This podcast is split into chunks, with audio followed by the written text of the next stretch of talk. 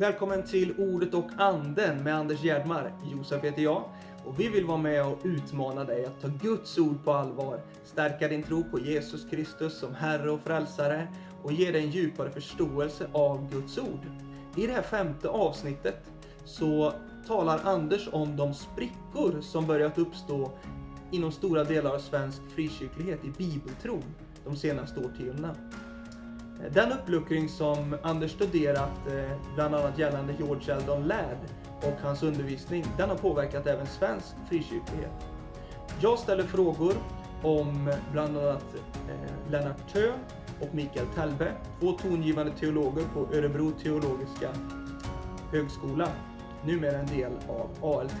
Det här är del 1 eh, på detta tema och vi finns ju på både Youtube och som podcast så Prenumerera och dela så hjälper det oss att få ut våra program. Välkommen att titta och lyssna.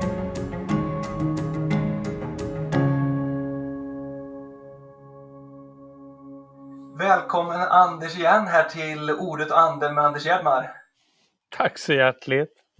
Vi kör igång vårt eh, femte avsnitt här i våran serie så det är ju trevligt att få spela in detta.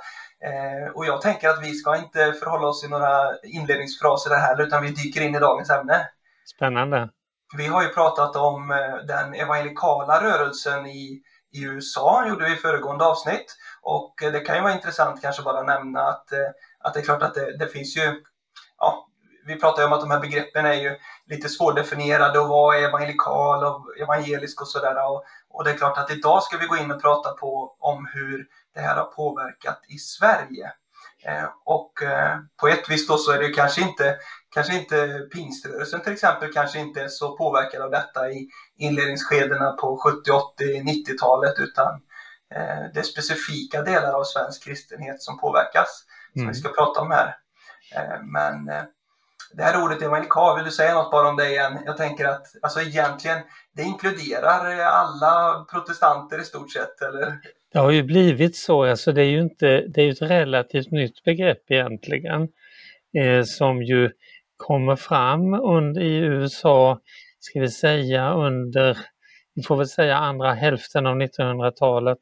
mm. det här fram som ett begrepp, som ett, ett sätt att försöka, man, man hade ju problem med, med eh, fundamentalismen eller de som då stod för the fundamentals. Egentligen är det ju the fundamentals är egentligen väldigt fint arbete som ju eh, går igenom de verkliga grunderna för den kristna tron.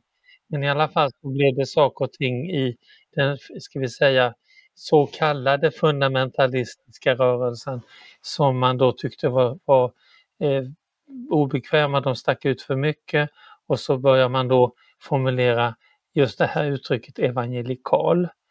Eh, och eh, det blir egentligen kanske lite, lite smalare begrepp. Problemet har ju blivit det att det här ordet används ju på så många olika sätt.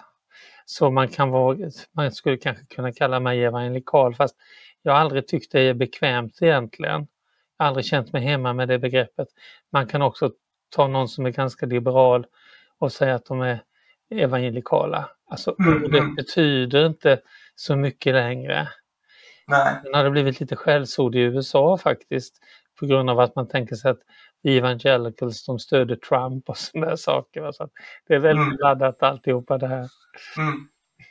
Men om man tittar på Sverige då så får ju eh, i din bok då som du har skrivit, eh, Desto skrivet, eh, så finns det ju, du redogör för att det är framförallt via eh, Örebro teologiska högskola och några individer där och, och sådär som detta får inflytande. Och vi pratade om George Eldon Ladd eh, som vi eh, talade om i förra avsnittet och om hur, hur han har en del tankar som drar åt det bibelkritiska eller liberala hållet. Han börjar luckra upp lite kring bibeltron.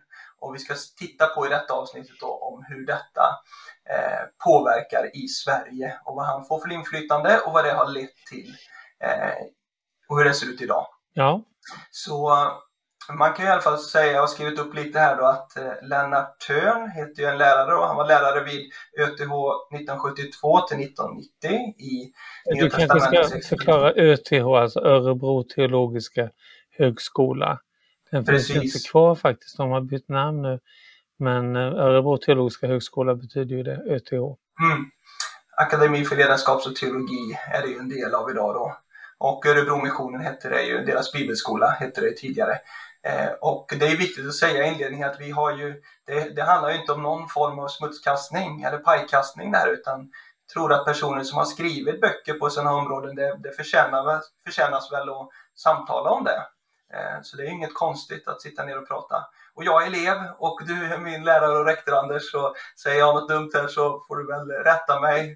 säger du något dumt så får väl, får väl skolledningen ta och prata här efteråt i så fall. Ja, vi ska ta det i örat. Ja, det är bra. Men i alla fall Lennart Törn då, han uttrycker att Örebromissionen på den tiden eh, var ett biblicistiskt och oreflekterat fundamentalistiskt samfund. Eh, där har du citat med i din bok.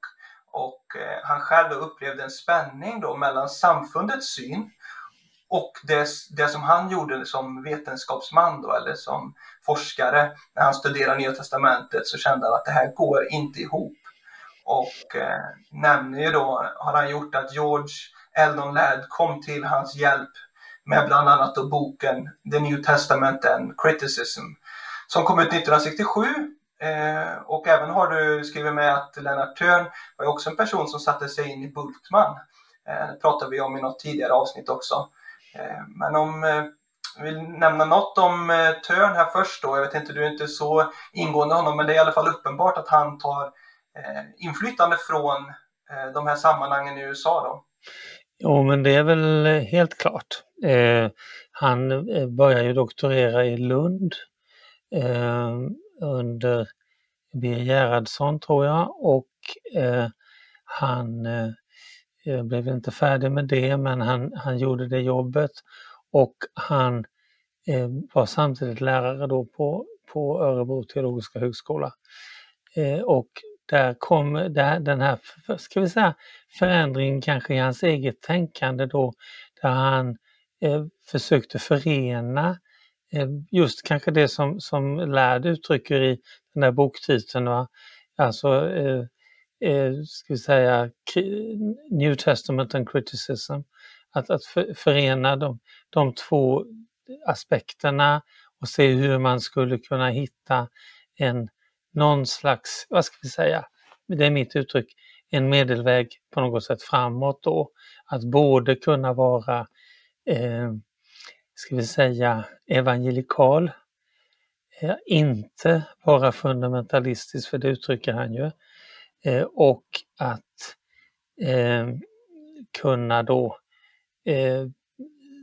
ta in det som bibelkritiken skulle kunna bidra med. Sen kan man gå in på tolkningen. Jag är ju inne på min, i min bok där är jag inne på försöker analysera det här och har belägg och så vidare. Så det hinner vi inte med nu. Eh, men vill man fördjupa sig kan man göra det. Men i alla fall så kan man väl säga att hans ansats eller hans sätt att angripa det här kom att få betydelse för eh, hans ska vi säga, studentgeneration. Mm. han var inflytelserik och jag har skrivit upp några elever där till honom som du nämner, Samuel Byrskog, Eh, Dieter Mitternacht, Anders Eriksson, Mikael Telbe. Det är några av hans elever då. Och flera av de här är ju, allihop är ju duktiga eh, bibelvetare naturligtvis. Så det är liksom ingen tvekan om att de är duktiga och allting sånt. Och sen har de lite olika teologisk profil idag också. Mm. Och då är det till exempel då Läds tänkande som kommer in här och eh, man får ju gå tillbaka något avsnitt eller beställa din bok och läsa om man vill sätta sig in mer i LÄD och det som du faktiskt kritiserar LÄD för. Eh, men om man tänker då, alltså Mikael Tellberg är en av dem, jag, jag har läst honom en del nu då och eh, satt mig in i honom en del. Eh, eh, och vi ska kika lite på det. Eh, jag tänker så här också att, ja, som vi nämnde innan här, att, att lär då, det här Fuller Theological Seminar heter det va? Mm. Eh, alltså det är inte så inflytelserikt över till exempel pingströrelsen i Sverige som vi nämnde innan här och kanske andra teologiska samfund i Sverige har inte så mycket med detta att göra vid den här tiden, mm. 70-80-90-talet. Eh, men genom det som har skett idag då via eh, Eh, akademi för ledarskap och teologi så har ju många av de här eh, lärarna då fått eh, stort inflytande över det som sker i det frikyrkliga, de utbildningarna, pastorsutbildningar, teologiska utbildningar. Så, så det har ett otroligt inflytande idag, de här influenserna som vi ska tala om. Jo, det är faktiskt det är så. Det är intressant att se vad en relativt liten institution kan, vilket inflytande den kan få, eller till och med en person som får vissa Eh, tankar kan, kan få så att säga. Och eh, det är ju ingen tvekan om att eh, jag har respekt för, ska vi säga, mycket av den av kvalitet i det som mina kollegor där har skapat. Det är flera som är duktiga, duktiga exegeter bland annat. så att, men det är väl alltså där vi skiljer oss åt, det är ju bibelsynen. Mm. Och jag tänkte vi ska ta upp några saker då, för Mikael Tellberg har ju skrivit ett par böcker. Eh, vad menar vi med att Bibeln är Guds ord? Kom ut för några år sedan. Och sen har han även skrivit en som heter Paulus mot väggen för ett par år sedan. Eh, som också tar upp en del av de här frågorna.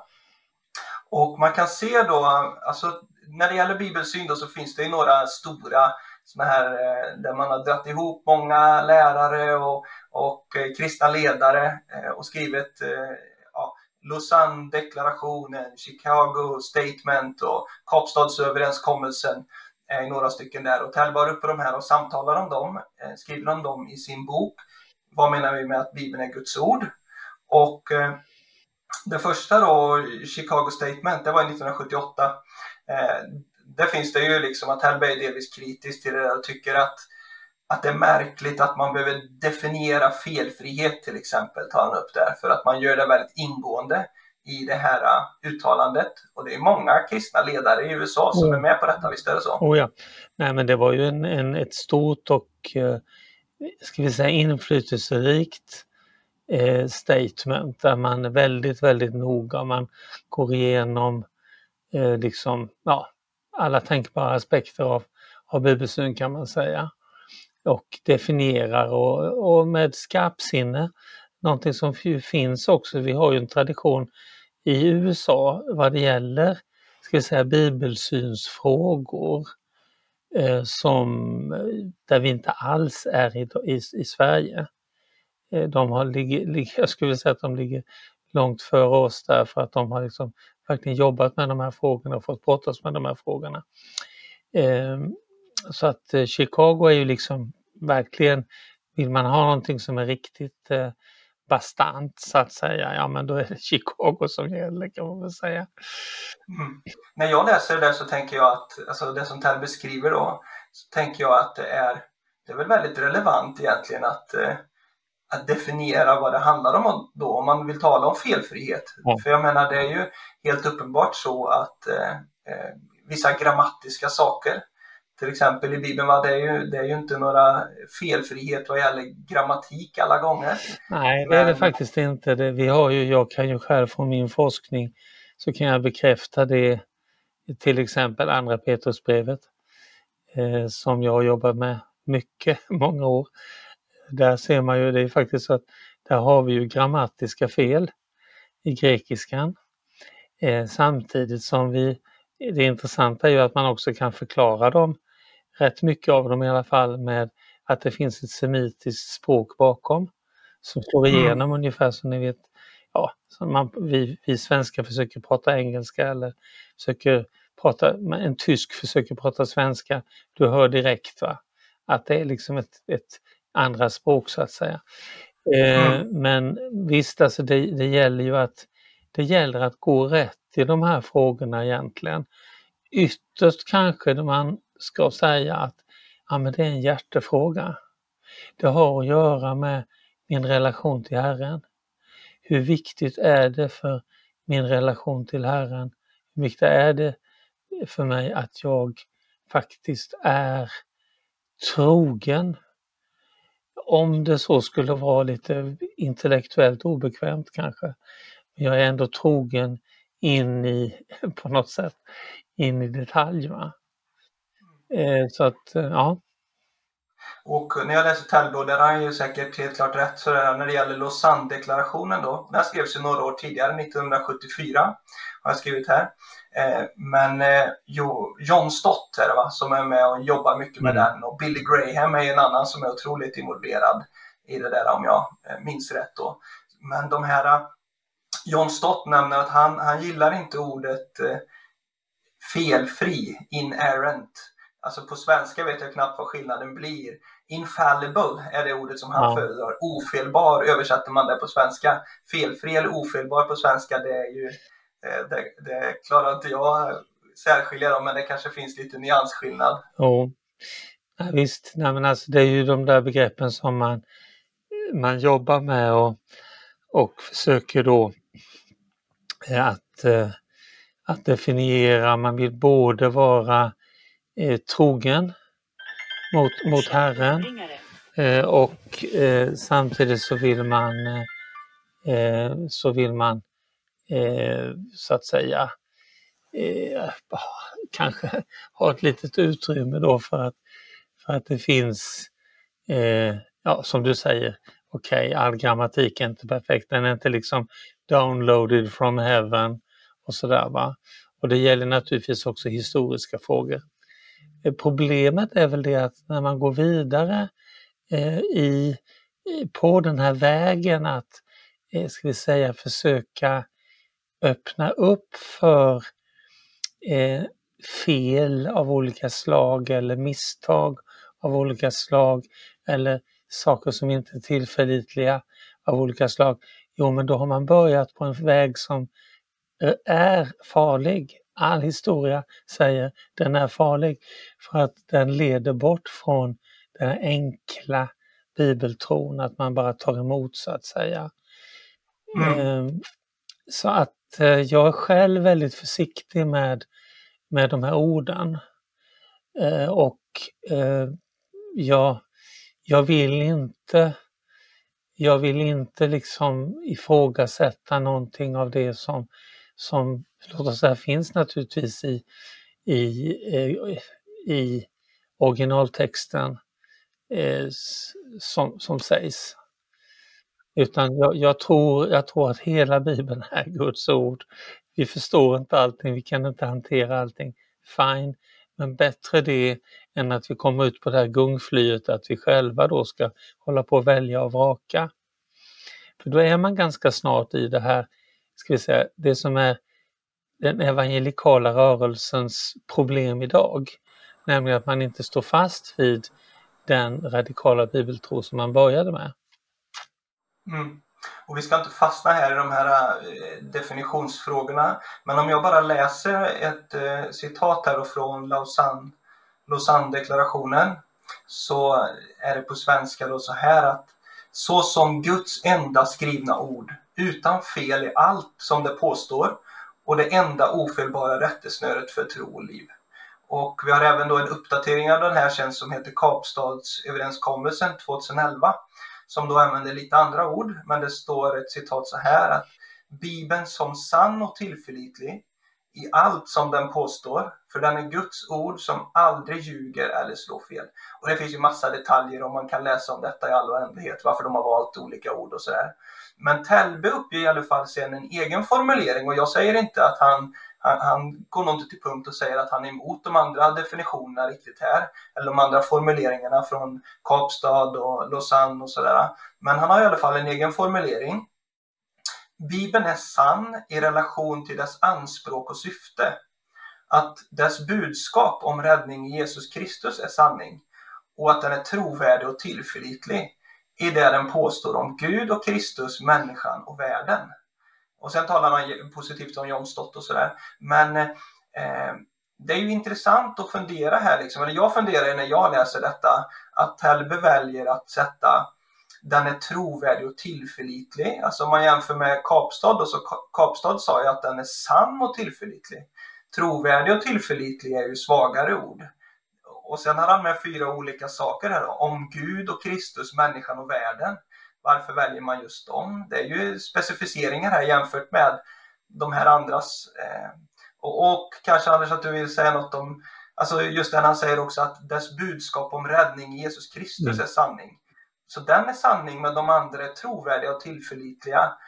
Sen säger han i början där att den är sann i relation till dess anspråk och syfte, att Bibeln är det. Så det är flera olika ord här, men, men det är en väldigt, förmodligen noggrant övervägande.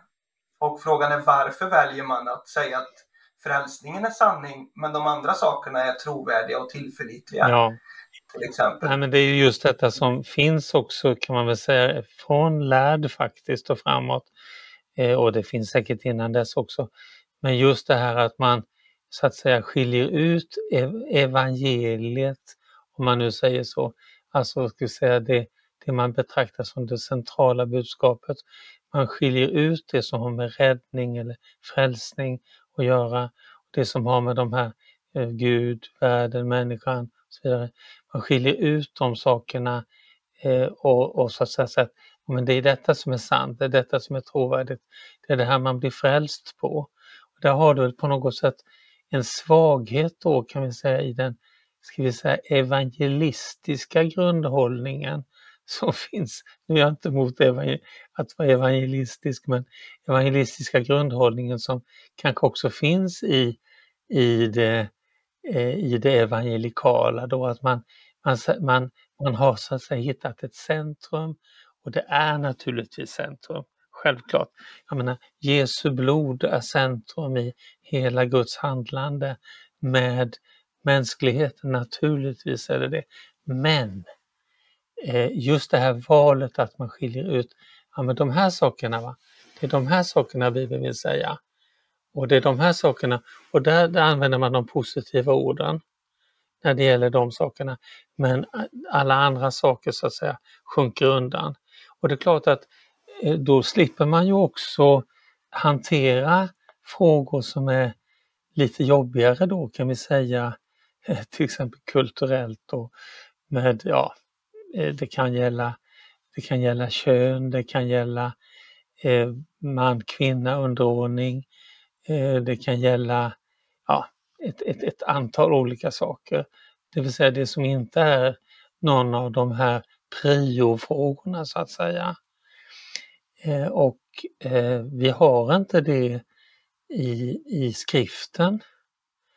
Eh, vi har inte den attityden i skriften eh, eh, till eh, materialet i Bibeln.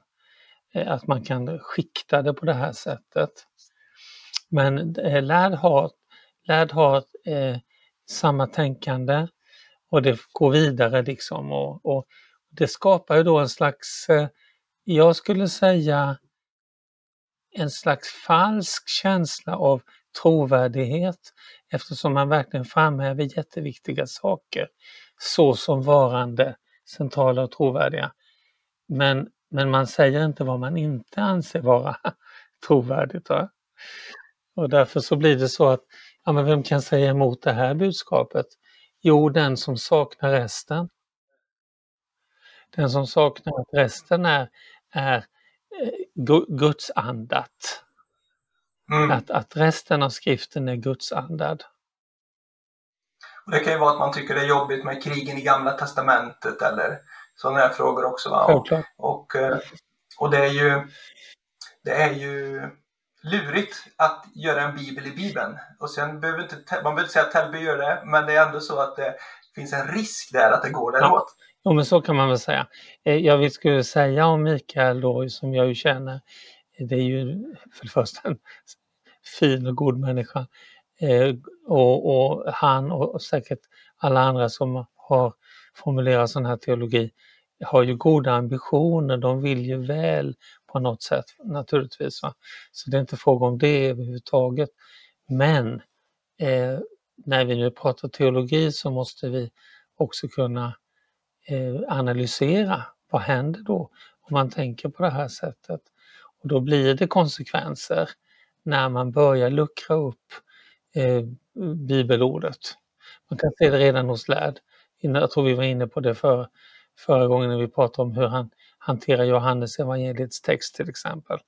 att väldigt mycket av Johannes evangeliet blir liksom, det blir ändå ett slags gungfly för den som har trott att det var Jesus Kristus som pratade. Mm. Men vi ska inte fastna i de här, men vi tänker istället att vi ska gå vidare till en del konkreta exempel, för det är det som är frågan då. Vad blir det för konsekvenser av, av detta? Liksom? Finns det någonting där eller, eller är det ingenting? För man behöver ju, alltså sådana här formuleringar, det är ju alltid svårt att väga ord, ja, så man behöver inte haka upp sig på det. Men eh, vad finns det för konkreta exempel? Och jag har läst eh, i, i Telbes böcker här då och tänker att jag skulle vilja fråga dig om ett par områden som han eh, eh, skriver om. Och det ena då är ju, och det har vi säkert haft uppe förut, men i, i hans bok Vad menar vi med att Bibeln är Guds ord?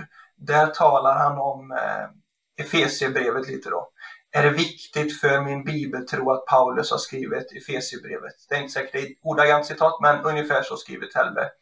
Eh, och han menar att han säger inte nej till att Paulus har skrivit Efesierbrevet, eh, men han menar att det kan ju inte vara så viktigt liksom, att Paulus har hållit i pennan eller att, eh, ja, här är ett citat. Om vi laborerar med tanken att Paulus kan ha gett en medarbetare eller lärjung i uppdrag att sammanfatta och nedteckna hans undervisning och förkunnelse i hans namn, skulle det skulle då brevet vara mindre Guds ord?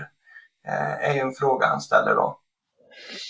Ja. Ehm, varsågod. Jag, jag tänker väl så här, jag faktiskt eh, jag går igenom detta speciellt med Fesebrevet i min bok Det står skrivet eh, och, och tittar på de här olika argumenten. Eh, för det första, vi har inga belägg för att det var okej okay att någon annan skrev, ska vi säga i Paulus eller någon annan nytestamentlig författares namn efter personens död eller utan att personen var involverad. Däremot har vi ju detta med så kallade amanuenser eller sekreterare. Eh, Paulus säger tydligt och klart att han egentligen eh, kan man tolka det som att, att alla hans brev är skrivna med hjälp av olika personer. Flera av dem är ju skrivna i, i, av ett team. Det sägs redan i början. Vi vet Romarbrevet eh, hade en sekreterare som hette Tertius etc. Eh, och vi har liksom inte några belägg för, eh, för detta. Det finns inga belägg helt enkelt utan snarare har vi belägg för att, att det var inte okej okay att skriva i någon annans namn. Vi har en, ett exempel där en, en presbyter gör det här och, och fejkar ett, ett, ett Paulusbrev. Och då blir han utkastad från sin tjänst och brevet anses vara, vara liksom en, en, ett falsarium och i den tidiga kyrkan. Och man var också väldigt noga då med just kopplingen till personen. Sen är det naturligtvis, det är bara att öppna och läsa. läsa Efesierbrevet. Jag brukar säga så här, Paulus skriver, därför böjer jag mina knän och sen tappar han tråden och sen så kommer han tillbaka, därför böjer mina knän. Min fråga är, vilka knän var det som böjdes? Böjde Paulus några knän? Om man då läser eh, dessa, eh, läser Efesierbrevet så ser man ju, jo men det ju, finns ju en personlig eh, dimension i det här brevet och det kan man inte förneka utan vidare så att säga. Bara för att det finns en egentligen en forskningstradition som är ska vi säga, ett par hundra år där man ifrågasätter Efesierbrevet och Kolosserbrevet. Alltså det, ganska tidigt så börjar man göra det och det har inte att göra med några djupa historiska undersökningar utan det är eh, en författare, till exempel då tidig författare De Wette. Han anser ju att, att det här är liksom, ja, men liksom en, en slags eh, språk som är främmande för, för Paulus typ. Va? Så att många av de här eh, hypoteserna som ifrågasätter bibelböcker, de är väldigt lösa egentligen. Och väldigt mycket är det så här att det är bara forskningstradition. Någon har skrivit det här en gång i tiden, sen har man kopierat varandra höll jag på att säga. Och eh, det finns, för studier, finns det naturligtvis seriösa studier som ifrågasätter Paulus författarskap, men det finns väldigt seriösa studier som också försvarar det. Eh, så att, eh, Så det är ju Efesierbrevet, så jag menar så här, det är helt enkelt, helt enkelt, finns helt enkelt inget stöd för att ifrågasätta Paulus författarskap. Är det då viktigt för trovärdigheten? Ja, det är det. För att om, man, om, det, om det står så här i början på eh, Efesierbrevet, från Paulus, Jesu Kristi apostel till och så vidare. Och om vi säger vi har den här personliga dimensionen, vi har hans personliga kamp, vi har hans personliga bön om förbön i sjätte kapitlet där han har det tufft. Han säger församling, snälla församling, be för mig. Va? Eh, så att eh, ja, det, det, är liksom onödigt ur vetenskaplig synpunkt att hävda att Paulus inte har skrivit det. Och det är viktigt för nytestamentliga texter att de är autentiska. Att de alltså är skrivna av den som sägs vara författaren. Mm. Jag, jag, tänker jag kan, jag kanske inte ställer frågan tillräckligt tydligt för att alla våra tittare och lyssnare ska förstå heller, men det är ju, jag kan läsa ett citat till från Telbe här. Då skriver han så här, han radar upp lite olika varianter då. Citat, har Paulus hållit i pennan? Har han använt sig av en sekreterare, en medhjälpare eller en senare lärjunge? Hans brev är inte skrivna direkt av honom själv eh, utan av en sekreterare eller amanuens.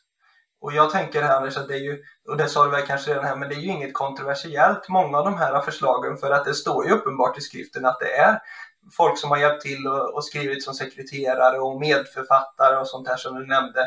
Men det är ju egentligen bara, i det mesta så är det en sak som är kontroversiell och det är ju om det är någon som har skrivit utan Paulus vetskap eller efter hans ja. död eller sådär. Då, och, och då är det som du säger, vi kan ju läsa ett stycke eh, ifrån Efesierbrevet då. Jag har skrivit upp här i avslutningen i Efesierbrevet, då står det så här i Efesierbrevet 6, 21-24.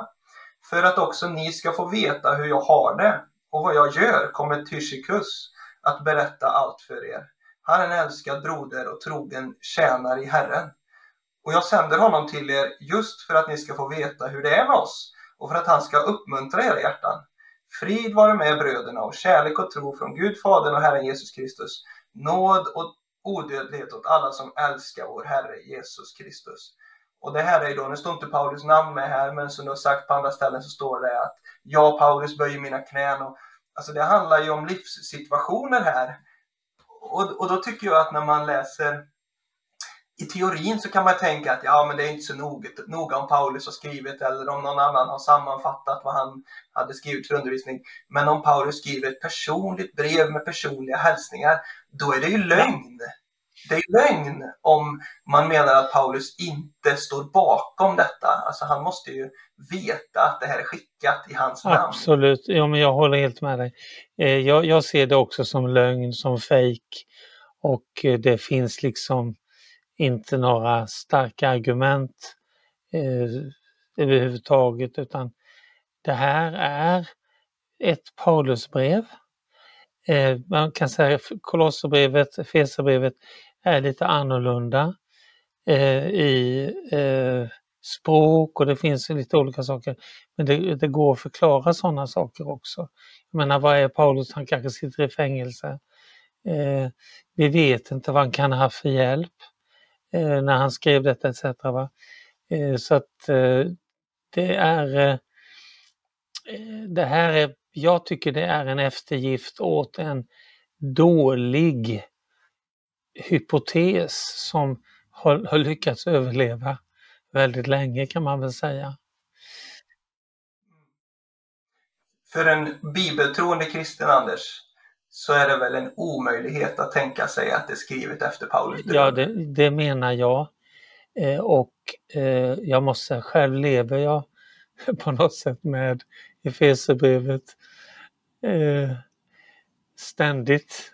Och jag har väldigt, väldigt svårt att tänka mig det utan tvärtom så är det en oerhört rik källa till uppenbarelse eh, via Paulus. Och jag tänker mig så här, men det, det är min fantasi då. Eh, jag tänker mig, ja men äntligen har aposteln tid att vara med Herren och, och inte bara ta hand om församlingarna utan han har tid att vara med Herren eh, för att eh, de enda kompisarna han har där det är lite råttor som springer omkring i fängelset där. Va? Eh, och eh, där på något sätt, där kommer den här fantastiska uppenbarelsen då som ligger i Efesierbrevet, Kolosserbrevet i synnerhet. Filipperbrevet mm. också för den delen. Det är också väldigt rikt. För den som tänker då så här, men vad är, vad är argumenten till att man föreslår att Paulus inte skulle vara skribenten? För det är ju någonstans, hela kyrkohistorien har ju påstått det och det är en modern tanke. Du sa väl innan här att det är någon annan som skulle ligga bakom brevet, sammanställt det och så vidare. Vad är argumenten? Liksom, det är olika saker. Dels är det ju språket eh, för den som kommer in i de här texterna på grekiska märker att det är skillnad på, vi säger Efesierbrevet och Romarbrevet, oh, men det är inte så konstigt. Romarbrevet är så att säga skrivet av Tertius. Han höll i, i, i ska vi säga det här röret med bläcket i. Va? Så att eh, eh sen, sen har du, eh, sen menar man också att det finns teologiska tankar som inte kan vara paulinska. Hur kan man veta det liksom? Kan man titta in i hans huvud i efterhand eh, och, och kolla vad han skulle kunna ha tänkt? Ja, men det är klart han kan tänka olika saker. Han kan använda olika ord på grund av att han behandlar olika frågeställningar. Sen har vi det faktum att, att vi har, de här breven är så lika varandra. Eh, Kolosserbrevet och Efesierbrevet i synnerhet, de är ju som syskon. Eh, de är lika och ändå är de inte lika. Eh, det, man, kan inte få, man kan inte tala om kopior egentligen, utan man måste tala om snarare, tänker jag, att det är ganska naturligt eh, en, en person som eh, kommunicerar med olika målgrupper kan ha, vara uppfylld av samma tankar under samma tidsperiod, men uttrycka sig lite annorlunda i de olika kopplingarna då. Va? Jag menar, jag kan själv det var nästan komiskt ibland för mig att läsa texter jag har skrivit för 20-25 år sedan. Eh, och jag kan nästan, nästan formulera mig likadant idag, eh, så att säga. Så att eh, eh det, finns, eh, det finns förklaringar till, till, de här, till de här sakerna. Och då menar man ungefär att någon skulle ha tagit och kanske Kolosserbrevet och så har tagit delar av det och så klistrat in lite ja, egna tankar. Ungefär typ så ja. Men det finns inga, det finns inga texter, det finns inga, inga fysiska bevis. Det. det. finns inga, inga manuskript som, som bekräftar det här heller. Och, och, man kan säga det allvarliga med det här med överhuvudtaget hela tanken med så kallad pseudepigrafi, alltså Eh, eh, falskt författarskap som man då hävdar, det är ju det att i Nya Testamentet så blir det ett slags A och B-lag av texter. Så att man vissa, vissa texter som man då menar är äkta, paulinska, ja men de, de eh, köper man då. Va? Men eh, de här eh, som är ifrågasatta, de blir lite som ett B-lag. För att ja men de är ju ändå inte liksom autentiska då på samma sätt. Och, och, då tappar man ju en stor del av uppenbarelsen. Det gäller ju också naturligtvis, eh, eh, vi säger de katolska breven eller eh, generella breven. Eh, andra Petrus, första andra Petrus, Judas, Jakob. Alltså just eh, de här och med flera, eh, de här breven som är väldigt, väldigt spännande och intressanta. Men de blir ändå liksom ett, ett B-lag på grund av den här pseudepigrafitanken. Man menar att de inte heller skulle varit skrivna av, av de här personerna, att Petrus inte skulle ja, skrivit exakt. dem eller och, och jag måste säga personligen, jag köper inte den tanken. Eh, helt enkelt, jag är inte övertygad av vetenskapliga skäl. Jag har själv jobbat eh, hur mycket som helst med andra Petrus och Judas, ganska mycket med första Petrus. Eh, jag köper liksom inte tanken att de är, är liksom inte är autentiska. Utan tvärtom, när vi ser att de är autentiska, wow, då ser vi här har vi en skatt som mycket av bibelvetenskapen har missat på grund av att man då liksom har den här rankningen av, av texterna. Så att eh, jag tycker det är väldigt sorgligt i bibelvetenskapen att man har, man har eh, gjort den här uppdelningen. Vi ska ta en sak till Anders innan vi avslutar detta programmet, men vi tar en kort eh, reklampaus först där bara. Sverige behöver Guds ord, men vem ska predika? På SDH vill vi utrusta framtidens apostlar, profeter, evangelister, herdar och lärare. Vi ger även ut böcker och undervisar i församlingar. Vi står för rejält bibliskt rotad undervisning och utbildning. Kan du be för oss? Vi behöver dina förböner. Om du vill kan du även ge en gåva, Swish, bankgiro. Vill du bygga långsiktigt? Bli månadsgivare. Information finns här nedan. Stort tack och Gud välsigne dig. Välkomna tillbaka och vi pratar ju här om, om lite spännande saker kring eh, hur faktiskt det är så att det finns bibelkritiska eh, säger man, liberala tendenser. Vi pratar om George Eldon Ladd och hans inflytande i Sverige och hur du menar att det är problematiskt, Anders. Eh, men vi ska ta ett, en sak till här. Då. Vi pratar om Mikael Telbe lite och en del saker som han har skrivit i, i sina böcker. Eh, och eh, Gud välsigne Mikael Telbe.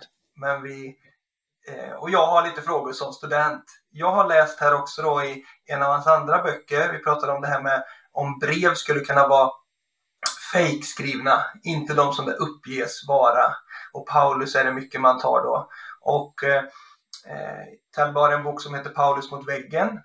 Eh, och där menar han att pastoralbreven då, då är det ju Titus och Timoteusbreven, eh, att de ja, resonerar kring, måste de vara skrivna av Paulus och sådär. Och jag vill läsa ett litet stycke här för jag tycker det är så jag vet inte om det är typiskt svenskt, men jag tänker att det är typiskt svenskt när man eh, lägger upp det på, på det här sättet eh, med tre stycken alternativ och sen är det liksom givet från start att man kommer välja mittenalternativet. Man vill inte vara en ytterlighet.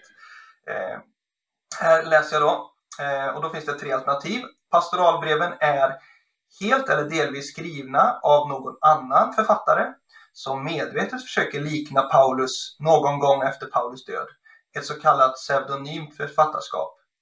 Eh, det här kommer eh, Täby inte ta ställning för då. Alternativ två, pastoralbreven är skrivna av en sekreterare eller nära medarbetare antingen på uppdrag av Paulus innan hans död eller med syfte att samla Paulus undervisning efter hans död utan att för den skulle vara en pseudonym. Det är alternativ två. Och eh, alternativ tre, pastoralbreven är äkta brev författade av Paulus själv mot slutet av hans liv. Och är väl öppen för båda alternativ 2 och 3 då. Eh, och eh, man får läsa om det i hans bok, men eh, det som är delvis intressant här är att kategorierna, liksom, varför ställer man upp dem på det här, stället, på det här sättet? För att eh, flera av de här sakerna i kategori 2 och 3, de är fullt rimliga. Det är ju klassisk kristen tro, liksom, att tänka att Paulus har använt sig av sekreterare och det är klart att någon kan ha hjälpt honom att skriva. Men det finns ju återigen, eller som vi pratade om innan, att det är en sak här som, som är eh, märkligt, om man uttrycker det milt sagt, tänker jag. Och det är ju det här att, att någon skulle kunna ha samlat Paulus undervisning efter hans död. Och då bara för att ta ett exempel här då Anders, innan du får börja tala om detta, så kan man ju läsa från något av de här breven. Och när man läser då till exempel, eh, vi kan ta Titusbrevet som är ett av de här då som, som diskuteras. Eh, och i Titusbrevet, i, i avslutningen på det, så står det så här i vers 12 till 15. När jag sänder Artemas och Tychikus till dig, skynda dig då att komma till mig i Nikopolis. Jag har bestämt mig för att stanna där över vintern. Juristen Senas och Apollos ska du utrusta ordentligt så att de inte saknar något på resan. Även de våra måste lära sig att göra goda gärningar och fylla nödvändiga behov så att de inte är utan frukt. Alla som är hos mig hälsar till dig. Hälsa till dem som älskar oss i tron. Nåden vare med er alla. Så här står det i avslutningen. Alltså i, i lite teoretiskt kan man ju tänka att det är väl inte så noga om, om det är Paulus eller någon senare som har författat eller skrivit ihop detta. Men i första versen så står det i Titusbrevet från Paulus, Guds tjänare och Jesu Kristi apostel. Eh, och eh, alltså de här, de här instruktionerna. Jag, jag tycker det är jättekonstigt när jag läser sånt här Anders, att, att man skulle kunna tänka sig att någon annan än Paulus är avsändaren av ja. brevet. Ja, jag, jag, Jag håller, håller helt med dig. Jag tycker det, det är liksom, man kan säga, det finns en vetenskaplig grundregel. Eh, ungefär som Ockhams rak, rakkniv. Eh, det vill säga att du tar den enklaste lösningen Eh, på ett problem. Den liksom mest naturliga lösningen. Den mest naturliga lösningen är att Paulus har skrivit det här. Eh, den kräver, ska du, ska du så att säga få till då att, att, att det är eh, någon annan och så vidare som har gjort det här eller några andra, ja men det är mycket mer komplicerat med liksom olika hjälphypoteser och grejer då. Va? Ska du få ihop det liksom. Eh, så att, eh, nej men det är väl egentligen så här om vi ska titta på hur den här tanken har kommit till så är det väl bland annat är det ju detta då att man tycker att det finns alltså en, man menar att det finns en utveckling i, eh, ska vi säga, synen på ledarskap, organisation och sådana saker som inte kunde ha funnits under Paulus tid. Utan den, den måste ha uppstått senare så att säga. Och det är för att man har då gjort en slags eh, analys av historien att nej, men det börjar liksom enkelt, ungefär som ni vet Rousseau då, det här liksom enkla barnsliga liksom naturbarnet liksom som lever som Mowgli ungefär, som lever ute i djungeln. Va? Och sen blir det mer och mer komplicerat. Så kommer det in i den ordnade staden.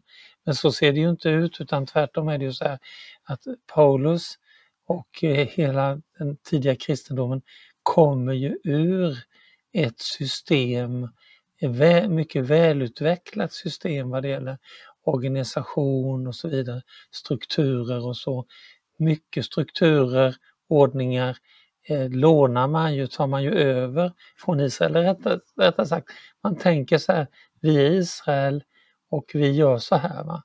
Och sen reviderar man vissa saker och därför så har man då eh, liksom en, en, väldigt mogen organisation här under Paulus tid på 60-talet eh, när han skriver detta. Eh, och eh, det är inte så konstigt alls om man tänker på ett annat sätt än, än, än man gjorde då lite grann i den här liberalteologin och, och så vidare. Va? Så att, eh, eh, och sen blir det ju som, precis som du säger väldigt, väldigt svårt utifrån eh, hur det faktiskt funkade i den tidiga kyrkan att tänka sig fejk. Att tänka sig sådana här konstruktioner. Vi har inga belägg för att det var okej okay i den tidiga kyrkan. Utan dels har vi det här som jag redan har nämnt med, med den här presbyten som får sparken för att han fejkar ett Paulusbrev.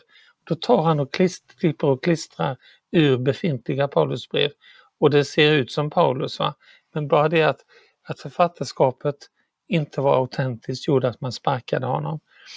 Eh, och eh, sen har vi också eh, hela det tänkandet med att, att jo men det är inte så att liksom att det saknas kontakt mellan ska vi säga, Paulus generation och vi säger 150-talet eller 170-talet eller något sånt.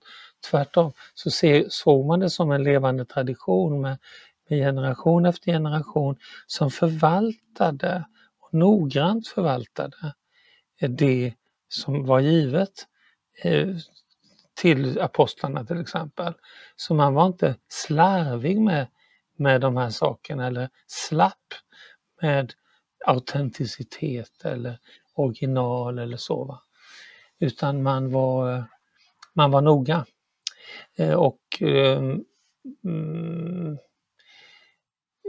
ja, det finns flera andra saker i det här men väldigt mycket faktiskt av de här eh, kritiken mot som de pastoralbreven, det är just för att man, man kan inte acceptera den utvecklingen då som, som vi faktiskt ser i den tidiga kyrkan, att den går så långt Eh, som till 60, eh, fram till 60-talet. Då, va? Då kan man inte liksom acceptera det bland exegeterna utan då måste man på något sätt försöka trolla bort det här. Men just när man läser texter till som du gör här, ja, det blir väldigt, väldigt svårt. Va? Det, det håller inte. Och därför så kan vi frimodigt eh, använda pastoralbreven. Tycker vi de är obekväma, okej, okay, Det kanske är obekvämt att leva i trons lydnad, men det får vi göra i alla fall. Enda sättet att leva som kristen.